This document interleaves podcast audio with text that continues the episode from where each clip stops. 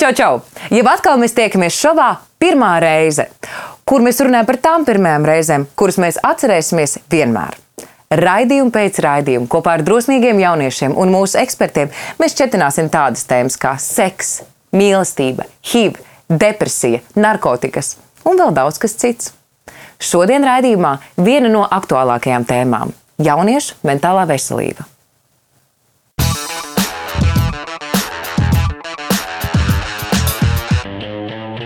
Šodien EHR studijā pie mums ir atkal jau brīnišķīgi viesi. Uh, Pusauģa resursu centra izglītības projektu vadītāja un kliniskā psiholoģija Elīna Bārtule. Sveicināti!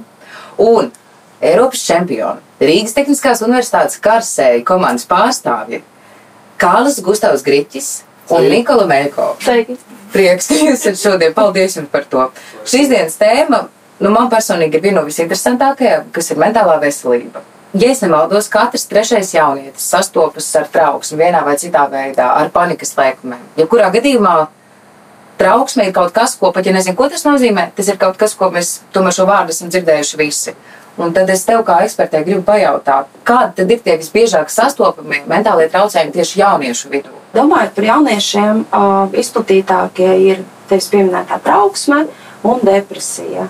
Trauksme vairāk būtu saistīta ar tādu uh, raizēšanos pārmērīgu, tādu nervozitāti un bailēm, un savukārt depresija ir tāda nomāktību, zemo enerģijas līmeni un bezpalīdzības izjūtu te jau atkal ir normāli justies kaut kad satrauktām un kaut kad nervozām, un ir normāli arī justies kaut kad nomāktām.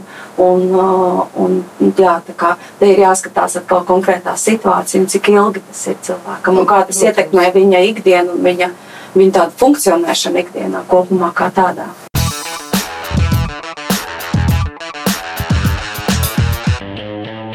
Man draugs ir pazīstams viens, kuru mēs tagad saucam par Kristapu. Uh, viņš ir ļoti foršs cilvēks. Tiešām ļoti, ļoti foršs, bet viņam ir tāda lieta, ka uh, viņam ir ļoti, ļoti grūti sev, savas bailes un savus iekšējos demonus ļoti bieži pārvarēt. Un, uh, un, un es arī no sākuma nezināju, kā palīdzēt viņam, joprojām nezinu, bet uh, mēģinu tā kā vienkārši viņu atbalstīt un katru dienu mēģināt tā, lai nu, nebaidies, ej, vienkārši dari, ko darīdams. Un, Nedomā, nedomā ne par ko citu, kā tikai par to pašu, nu, par to lietu, ko gribi sasniegt vai gribi izdarīt.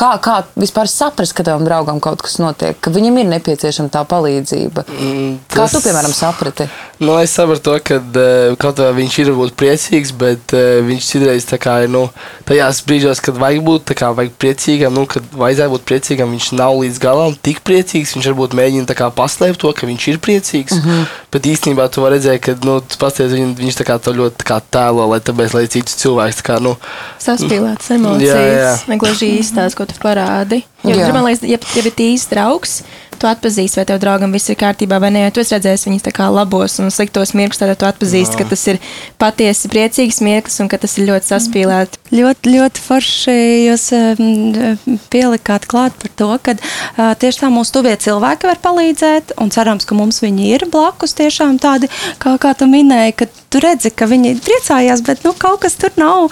Un, un tad, tad šīs attiecības var būt tas, kas var būt palīdzoši. Kad saka, jā, pēdējā laikā smaidi, bet, bet man ir tāda sajūta, ka uh, iespējams tu jūties citādi, tu vari pastāstīt. Viņi saka, nē, man viss ok, un tad ok.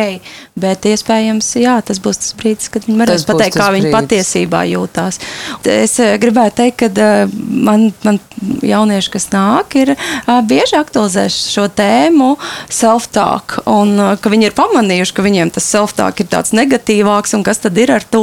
Tā, tā kā. Tas viennozīmīgi ir mainījies. Man, mm -hmm. man ir 29 gadi, un tad, kad man, piemēram, bija 16, 15, aiz zema bija tā milzīgā stigma par mm -hmm. terapiju, par to, kam šī terapija būtu nepieciešama. Un es pirmā domāju, ja tajā laikā kāds būtu redzējis kaut kādus signālus, man būtu bijis nedaudz vieglāk dzīvot.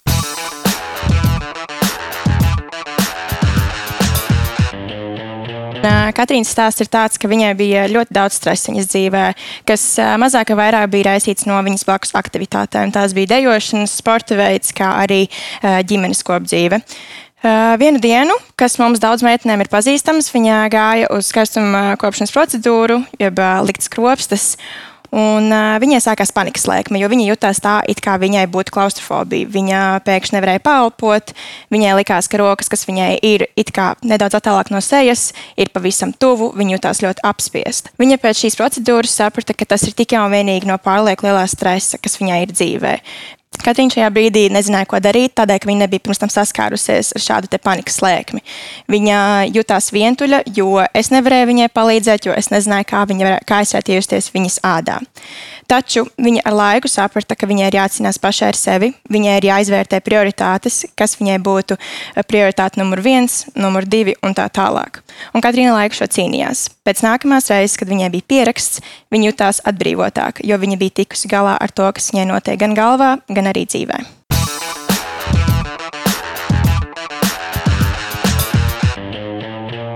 piemēram, es jums varētu pajautāt, varbūt ne tikai par jūsu draugu pieredzi, jums abiem diviem, bet par jūsu pieredzi, vai kādreiz jums ir nācies sastapties ar, labi, mēs varam to nesēt par depresiju, bet ar trauksmi, kas jau saprot, tas vairs nav vienkārši stress, tas nav vienkārši uztraukums, bet tā jau var kļūt par problēmu. Mēs ļoti bieži sagrājamies par daudz. Mēs domājam, ka mēs -hmm. varēsim paspēt visu, mēs varēsim visur tikt, izdarīt, būt labākie konkrētajā situācijā, un mēs visu izdarīsim. Taču mēs neapzināmies to, cik ļoti, liels, cik ļoti liela atbildība tā ir visur būt, visur atrasties, visur paspēt. Un, manuprāt, ir svarīgi jauniešiem saprast to, ka ir labi, ja nekas nesanāk, jo mēs no kļūdām mācāmies un mēs nevaram būt perfekti. Manuprāt, kļūdas ir vienīgais veids, kā mēs reāli varētu tikt līdz mērķim. Tādēļ, ka tas būtu ļoti amizanti, ja mēs kaut kur aizietu, mēs, mums viss tā kā uz paplātes, varētu tikt pasniegts. Ne mums nekāda mācība, ne mēs neko neuzzinātu par sevi. Tādēļ ir ļoti svarīgi apzināties to, ka dažām lietām tiešām vajag pielikt stopu, vajag saprast, ko tu vari, ko tu nevari, un ar to ir jāsamierinās, jo ne mēs visi varēsim, un ne mēs visi paspēsim. Nu, man ar tām visām lietām ir mazliet sarežģītāk, varbūt ne salīdzinoši vienkāršāk, bet es vienkārši pats viņus vairāk uh, ignorēju, jo man ka ir daudzreiz vieglāk nekā visām tikt galā. Un, uh, un es esmu dzirdējis no daudziem cilvēkiem, ka nevajag to krāt, jo vienā momentā tas viss būs tik, tik. Mēs tieši šodien par to runājām, ka labāk viss vienkārši uz āru. Jā, labāk. tā kā jā, tie, kam kaut ko cīnās, tad vienkārši laid visu ārā un Būs. Nu, kādam vajag pateikt. tas nav. Nu, nē, ir tā, ka nu, vēl variants ir vienkārši aiz, kā, aizņemt to laiku, lai lieta, kas tev patīk darīt, vai kas tev liek kā, prātam nomierināties. Un man beigas, tas ir veikbords. Tad, kad es uzkāpu uz veikbordu, es tur esmu viens stāvudens. Tā ir tā meditācija. Jā, un es ne par ko citu ne, nedomāju, kā tikai par tiem trikiem. Un, ir tā kā nekas nav noticis pasaulē, viss ir perfektajā momentā. Mm. Tā kā. Bet kā jums šķiet, kas, nu, piemēram, jūs, jūs paši jūtat, kas ir tas, kas jums rada to vislielāko trauksmi? Labi, tas ir viennozīmīgs sports, es saprotu to. Kā, nu, ma, vai, vai tie ir sociālie tīkli, tā ir skola? Man nu, šķiet, daudziem ir sociālie tīkli, jā, kas rada lielu trauksmi. Tīkli, vispār sociālais, tas te kāds tev, nu, nu jau liek, jā, imidžs, ka tev ir jātais kaut kas no sevis. Un, jā, ka tas varbūt citreiz nezinu, ko tu gribi darīt, un tad tāds mazliet stress, ka ā, vajag tomēr kaut ko. Manuprāt, arī vēl ir grūti jauniešiem, tad, kad uh, viņi īsti nav savā dzīvē saskārušies ar negatīvām emocijām, viņiem mazāk vai vairāk viss ir sanācis, nu tā. Uh mhm. -huh. Un tad viņiem pēkšņi ir šis viens moments, kur viņi saprot, ka viss nav kārtībā ka viņiem ir šis pressure no kaut kā cita, kas varbūt vai nu ir vecāki, skola, treneri, vienalga kas. Un viņi nezina, kā ar šīm emocijām vispār ko ar viņām darīt. Jo viņiem it kā viss bijis kārtībā visu šo laiku, un viņiem pēkšņi vienkārši liels uh, eye-openers, un, un, un tev ir viss tas slikti, tev ir tas mm -hmm. slikti. Un, nu, ko, ko dari tādā brīdī, kur ir tavi rīki, ar ko tu vari strādāt, lai viss būtu kārtībā? Tas ir bišķi cita pasaule. Es kaut es šito, man šeit katrā redzījumā teikšu, bet kā, es esmu veca, un pie viss ir vainīgi sociālie tīkli, pie viss. Tā ir. Vienkārši kreizī, kas man liekas, mūsdienā jauniešiem. Jauniešiem, kuriem viss izdodas, 18 jā. gadi ir miljonāri, ne, nevajag mācīties sēdi mājās, tev ir tāds blīns. Jā, tu sēdi, ēdi savu rotoru un pie savas laikas čips paciņas un domā, ka, kāpēc, ko es daru nepareizi. Jā, jā, tieši, tieši tā. Bet tad, nu, tad es pajautāšu šoreiz tad ekspertam uzreiz, re, kur ir jauniešu viedoklis aptver, no kurienes nāk uh, šīs problēmas un traucējumi. Un kas tad ir tie apstākļi, kas varētu no profesionāla viedokļa radīt? Ceļš šobrīd mūsdienās ir lielāko mhm. trauksmi. Mm -hmm. Es domāju, ka visas šīs tēmas, arī ko jūs runājāt, mēs varam pievilkt tādām um, vajadzībām, to, kas ir cilvēka vajadzības. Un tad es teiktu, mentālā veselība ir ļoti saistīta arī ar fizisko veselību, un tas būtu tāda vajadzība kaut vai. Nevis kaut vai, bet obligāti pāriest regulāri, izgulēties, un kaut cik fiziski izkustēties. Tā ir tā piramīda. Jā, jā, jā, jā, jā, jā. slikti vismaz izpildīt. Jā, un, un, un te bieži ir pretestība no jauniešiem, bet tas ir jāsaprot, ja es nebūšu gulējis trīs dienas, vai mēs visi nebūtu gulējuši trīs dienas, es domāju, mums diezgan smagi iet, un, un iespējams ļoti aizkaitināti, un, un nespētu pat tādu normālu sarunu veidot, es noteikti pēc negulē, ne, negulēšanas. Un tad, jā, par tādām vajadzībām, kāpēc drošības, kā, kā tu minēji par to, ka tev ir vieta, kur uz wakeboarda, kur tu jūties Jā. droši, kur visa pasaule šķiet laba, un ka tā ir vieta, kur mēs jūtamies droši būt paši ar sevi, ar savām domām vai savām izjūtām, vai nu atkal, ka mums kāds to drošību sniedz, pieņemsim tie vecāki ģimene, kas mm -hmm. atnāk pēc dienas, kad viss ir bijis ļoti slikti, un iespējams sociālajie tīkli neiet ar to manu realitāti kopā šobrīd, bet, eh, bet man ir eh, tā vieta, kur es zinu, ka man sagaidīs, sapratīs, varēšu izraudāties, un kad man ir tīra tāda, tāda drošība no apkārtējiem. Bet noteikti mums no tās lejas vajadzētu domāt par to, eh, parūpēties par savām tādām, jā, primārām vajadzībām, tad pēc tās drošības, jo jaunieci jau drošību var tieši tā kā teica, uz wakeboarda atrast, vai, vai tas ir kaut vai parks uz šūpolēm, vai tas jā, ir ar bet tā ir specifiska darbība kaut kāda. Jā. Tas jā. jau ir kaut kas, nu tad, tad mums vajag atcerēties, paēst, pagulēt, dzert ūdeni. Jā. Kas, kas mums vēl tajā pirmīdā gāja iekšā? Tur bija izkustēties. Izkustēties, izkustēties mums ir nepieciešams. Tad, kad šie četri ir izdarīti, ah, un kaut, kā, kaut vai viens apskāviens, lai ir fiziski jā. kaut kāda nervu sistēmas jā. nomierināšana. Jā. Un, ja šis mums ir izdarīts, tad mēs varam iet uz priekšu. un, jā, un, ja mēs tad vēl jūtamies slikti, tad mēs ejam pie vecākiem vai skolā pie terapeita, tik, tuk, tuk, tuk, tuk, mm -hmm. un tad runājam. Jā, Tas, es jā, jā, jā, saprast, kā, ja mēs, ja mēs kā, tajā brīdī skatās, kā, kā viņam uh, rīkoties. Jā, ja es saprotu, ka es kaut kādā tajā posmā iespējams netiek galā arī ar izgulēšanos, un man jau tur nepieciešams iespējams kāds atbalsts un palīdzība. Jā, un, uh, un tam nav jābūt uzreiz kaut kādam terapeitiskam procesam vai kaut kam tādam. Vienkārši, jā, pieaugušais, kuram es uzticos, vienkārši izstāst tas, kas šobrīd notiek, un iespējams tas jau ir palīdzoši, vai draugs, ja, ja, jā, ja tas nepalīdz, tad es kaut ko citu vēl skatos. Nu, kad varētu teikt, veidojam tādu elastību vai angļuiski resilience, kad nu, kaut kas sanāk, kaut kas nesanāk, un tad, nu, tā, no tā jau dzīve sastāv. Piemēram, jums vecāki ir kādreiz nākuši klāt un jautājuši, kā tu jūties? Vai tev viss ir kārtībā? Vai tev nav par daudz? Vai Vispār, ja kāda veida saruna, kas būtu ar mērķi noskaidrot tīri emocionāli, kā jūs jūtaties? Īsti nē, jo, manuprāt, mēs esam diezgan tādi uh, independenti. Manuprāt, tādēļ, ka mēs uzņemamies tā diezgan daudz, manuprāt, arī viņiem ir uh, tā uzticības sajūta, ka mēs arī tiešām varam ar tikt visu galā.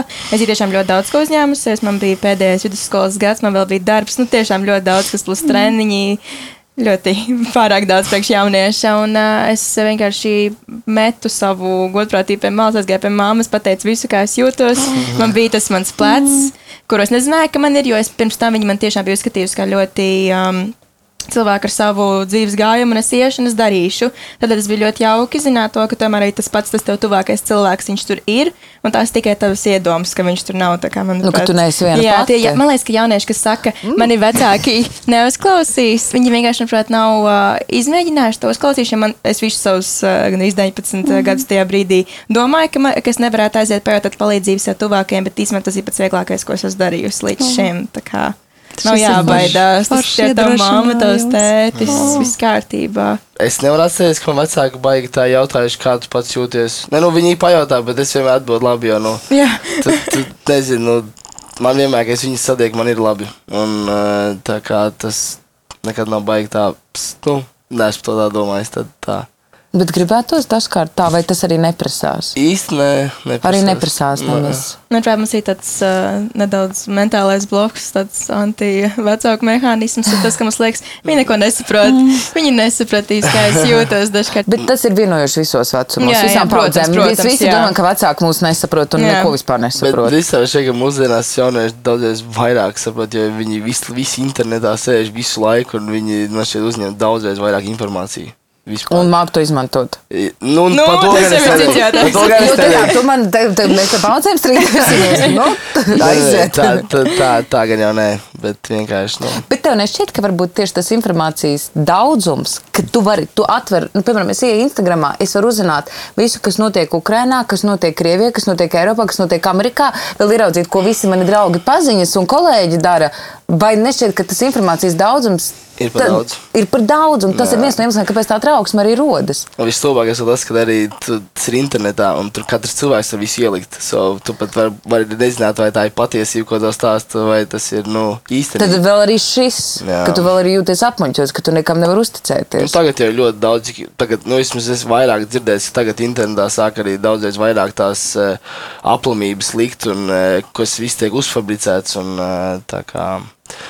Grūti saprast, kam Jā. ticēt, Grūti, kam nē. jā, jā. Nu, grāmatā var ticēt.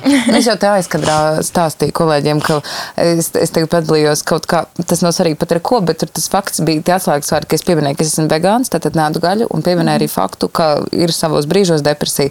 Un kāds reanimatologs teica, ka man ir depresija, tāpēc, ka es Es nēdu gaļu. tieši redzēju to video, man jā. bija tāds, kāds Un tas ir tik smieklīgi. Un es vienkārši atklāju, tas ir kaut kas, kur internetam ir spēks. Jā. Ja manā vietā varbūt būtu vēl kāds cits cilvēks, internetam ir spēks paņemt to cilvēku, nomocīt un uzlikt vēl lielākus tos traucējumus. Mm -hmm. Bet labi, man jau, jau izdomāju savu vienu jautājumu. Tagad es, Elīna, es pie tevis vērsīšos. Jā. Mēs tagad parunājam, kā, kā jaunieši ar viņiem runā vecāki vai Jā. nerunā. Bet tomēr, ja mēs tā runājam, kam būtu jāuzņemas tā atbildība, varbūt labi, pat ne atbildība, protams, vecākiem par saviem bērniem, bet kuri, kuri ir tie, kuriem speciāli nemeklējot palīdzību, ir jāredz tie signāli? Tā ir s- tāda sociāla atbildība.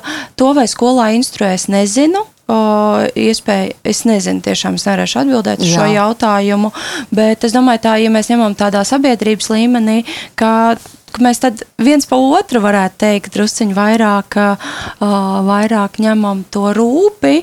Un tiešām, nu, ja mēs pamanām kaut ko, mēs varam to uzrunāt vai pajautāt. Vai, uh, tad, jā, tad tas ir skolas līmenī, vecāku līmenī.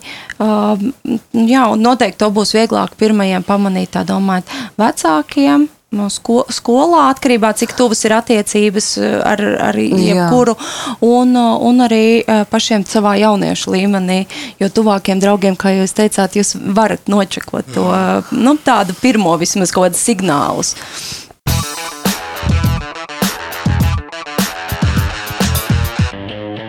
Mentālie traucējumi ir ar mani, kopš es īstenībā sevi atceros. Tagad, kad jau ar terapeitu strādāju, terapijā eju piecus gadus un esmu terapeits dažādas mainījusi.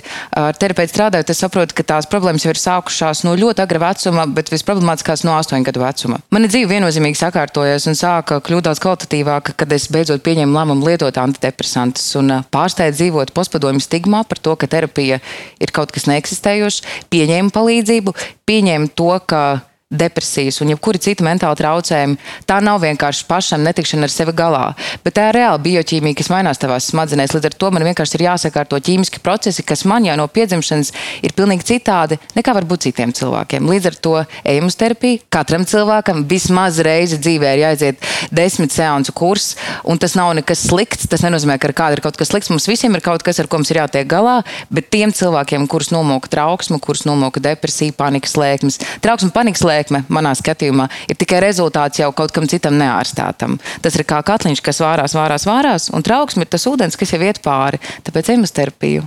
Nedzīvojam postpadomijā vairs.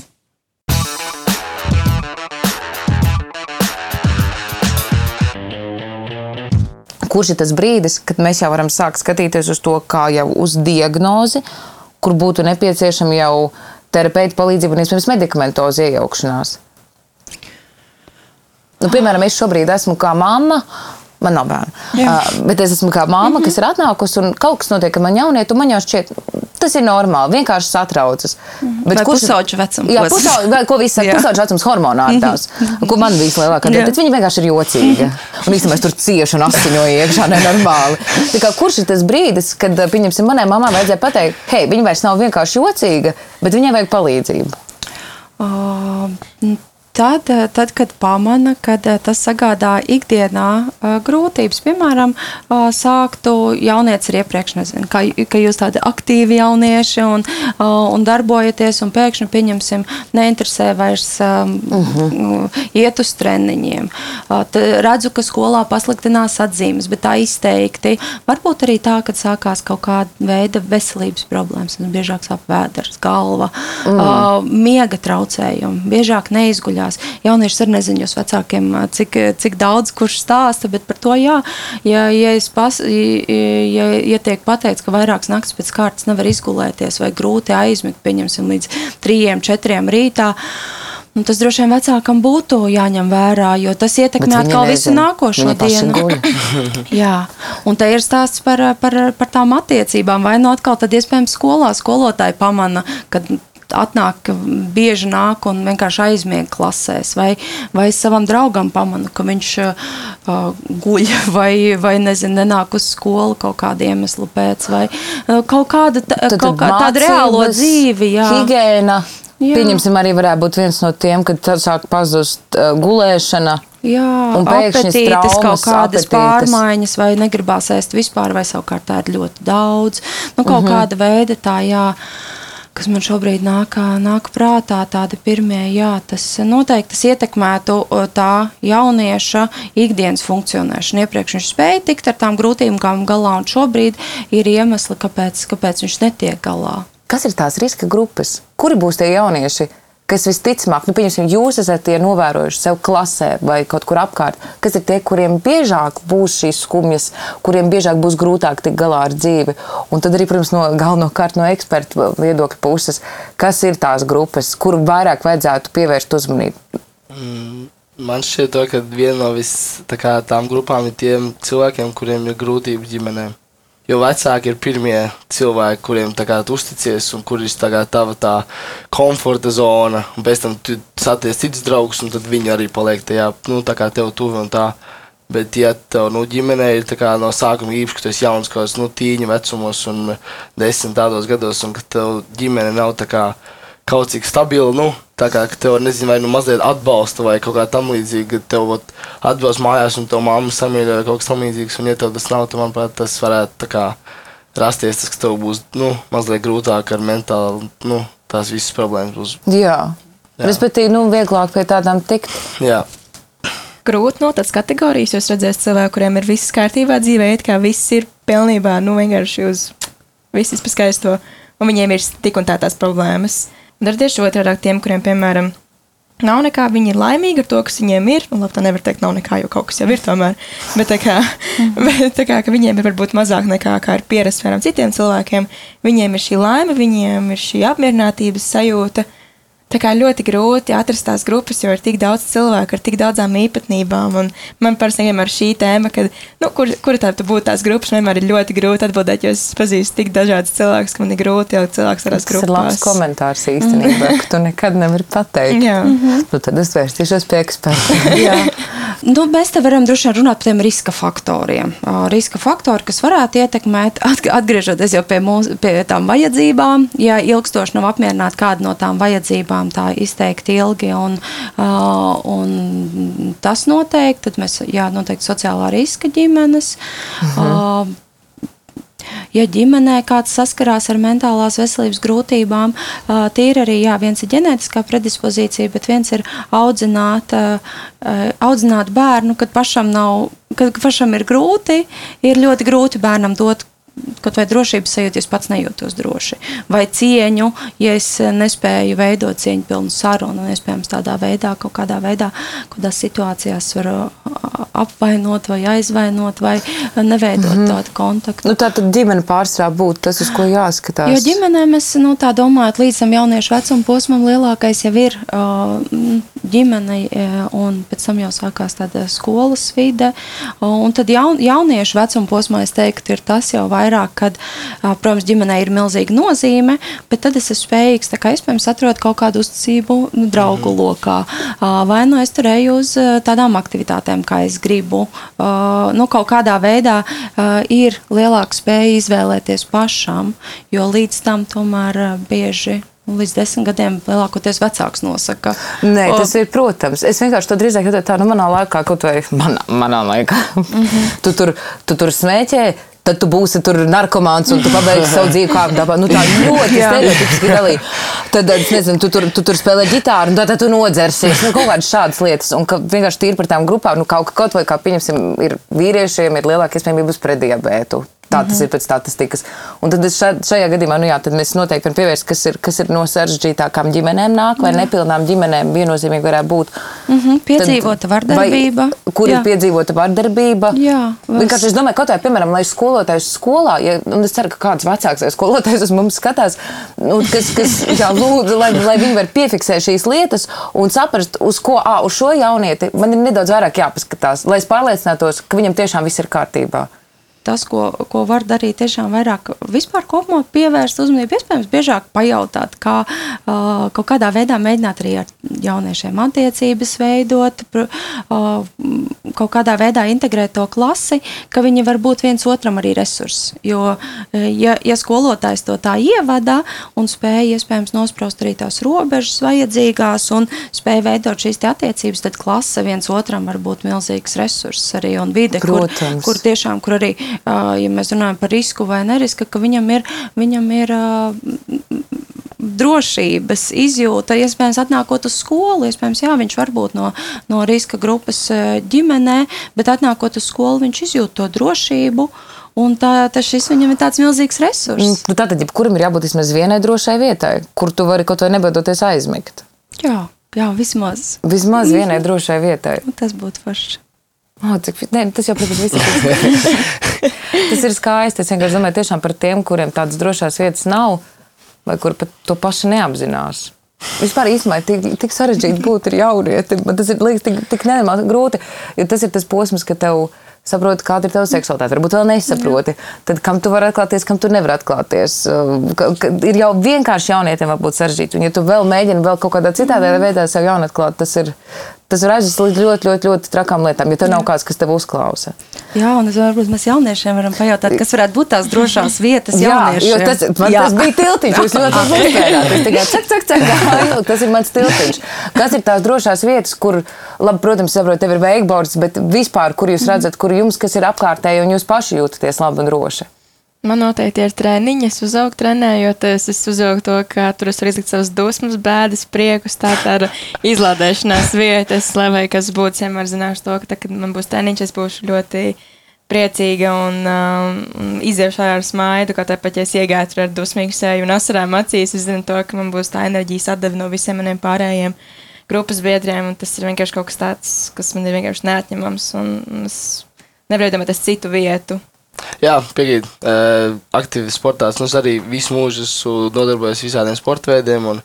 Sporta veidi ir visforšāk, tāpēc, ka tur tev nav nekādas problēmas. Tu tikai domā par to, kas tev jādara tev nekas cits nenomācis. Jo, piemēram, tā kā es arī istabā sēdu un sācu citreiz iet viena sliktāka doma kaut kā galvā un tāda pļāviens. Tad, nezinu. Varētu būt treniņš tagad labāk. Jā, jā, jā tieši tā, tieši tā, tieši tā. Bet tā nav izvairīšanās arī. Nē, man es daudz, ko es par šitu, man, man kur ir tā robeža? Es esmu ar draudzēm runājuši par šo, ka aiziet eh, kaut vai uz to pašu kaut kur padējot vai aiziet vienkārši taniņiem, ka tu tā neizvarīsies no savām problēmām.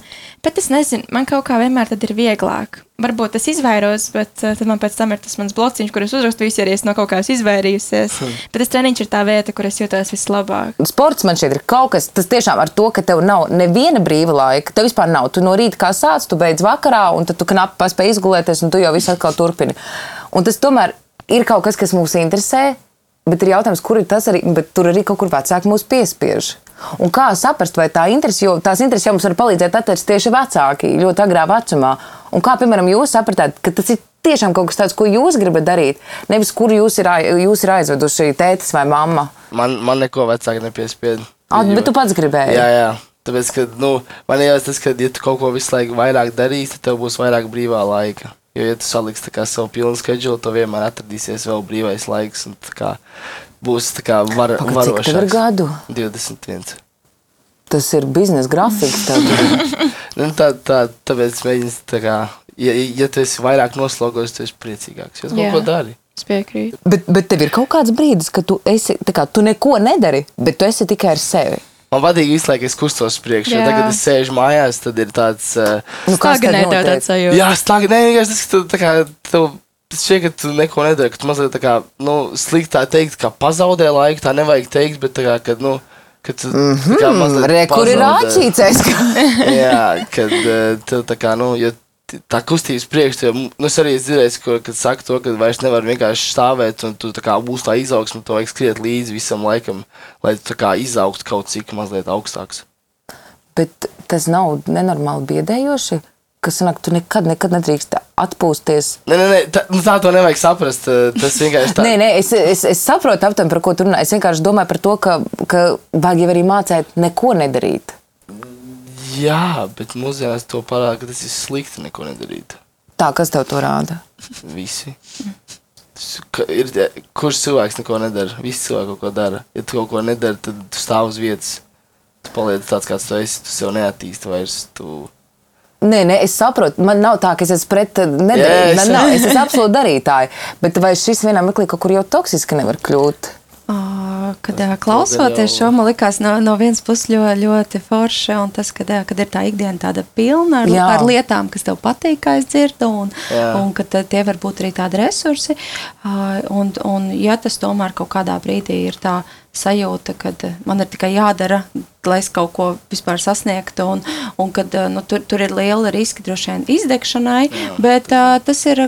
Atkarībā no kā tu ar to jūties, un ja tu atpazīsti, ka tas tev sagādā grūtības, un ir tā sajūta, piemēram, ja es neizdaru visus tos darbus, tad es tagad lūzeris esmu, un uh, viss man dzīvē nekas nebūs. Uh, tad, tad, protams, tas ir kaut kas, pie kā pārdomāt, vai nu to grafiku pārdomāt, vai nu skatīties, jā, kas tas, kā es to sabalansēju, vai iespējams, jā, man ir vajadzīga vienkārši atpūta, un diena pie seriāla arī ir ok kādreiz. Jā, nē, es un- tieši par to arī runāju, ka, Jā. ka man šeit ir jāmāk sabalansēt. jo Tā, vai tu esi saskaries ar izdegšanu? Jā, es esmu. Nu, es neesmu tāda izsekšanas, es kā es vienkārši pat pārāk daudz sportošanu, ka man visi locekļi sāp. Un, mm.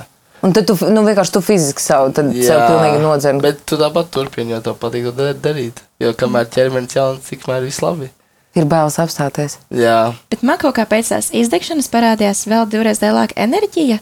Jo tu saproti to, ko tu neesi izdarījis, vai ko tu izdarīji pikucīt uh, sliktāk nekā vajadzētu, vai tieši ko tu varētu izdarīt vēl labāk.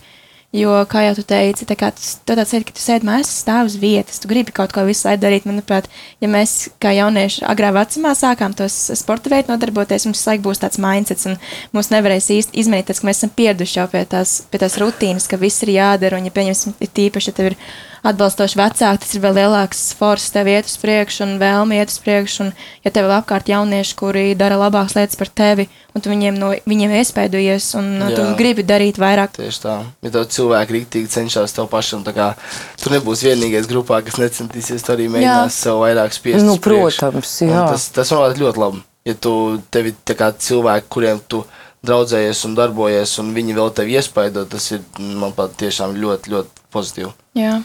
Tā, Tas uzvarēs. gribētu piebildīt, drusku pateikt, jā, ir tas tā pozitīvi iespaidot, tad, ā, tad ā, protams, tas, ko es saskaros ar jauniešiem, bieži, kad tā salīdzināšana vienam ar otru ir bieži kaut kas, kas raisa dažādas izjūtas, domas, arī uzvedība mainās. Un, un tad, ā, tad es laikam, mm, kā es esmu tikusi jauniešu auditorijā, tad es gribētu tādu ieteikumu varbūt par to, ka, ja, ja tāda salīdzināšana rodās, tādas idejas vai domas, vai paskatoties uz pašus sociālos tīklus, ka tā kā mm, atgriezties stop un ā, salīdzināt pašam sevi ar sevi.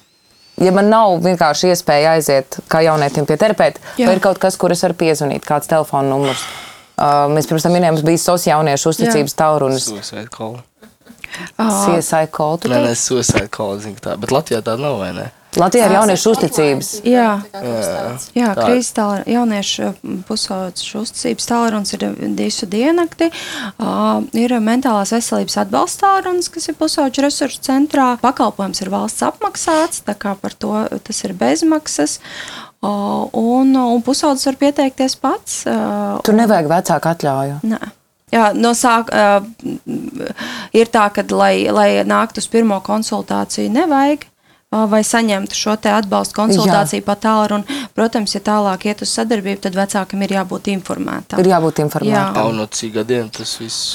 No, no 10, 10, 11, apmēram, kad sākās tas pusauģa vecuma posms līdz 18 gadu vecumam. Jā, un es arī gribu tikai piebilst to, ka šobrīd ir sāksies brīnišķīga arī tiem jauniešiem, kas jau ir pēc 18 gadiem, brīnišķīga apmaksāta, valsts apmaksāta programma, kur var tikt pie labiem terapeitiem. Desmit reizes ir bez maksas. Ir jāiet pie ģimenes ārsta, tu piesaki iesaistīties, un tu vari nozīmēt, nu, protams, ja to novērts to, ka tuvākajā tuvu rādījusā mm -hmm. ir labs terapeits. Tā kā palīdzību var atrast, mm -hmm. arī ne, netērējot naudu.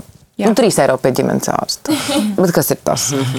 Tas milzīgs Nekas. paldies jums. Tas jau bija ļoti liels prieks. Paldies, ka jūs tā atklājāties. Jo šis tas nav viegli. Un paldies jums par padomiem un informāciju. Tiešām man liekas, man vērtīgākā sadaļas jūtos tik iedvesmot, ka bija ar eh, jums iespēja būt kopā un tādā sarunā. Un... Ir ļoti iedvesmojuši jūsos paklausīties. Nesodiet sev pārāk skarbi. Jums viss jau ir brīnišķīgi.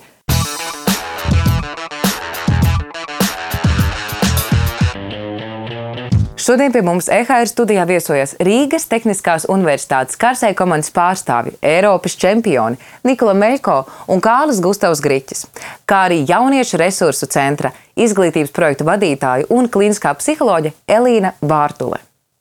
Pieslēdzies mums un meklē mūs visās platformās - YouTube, Instagram, Spotify, EHR mājaslapa. Nu, var sekoties, kas meklēs, tas atradīs. Tāpēc pieslēdzies! Tiekamies! Atā! Skauju!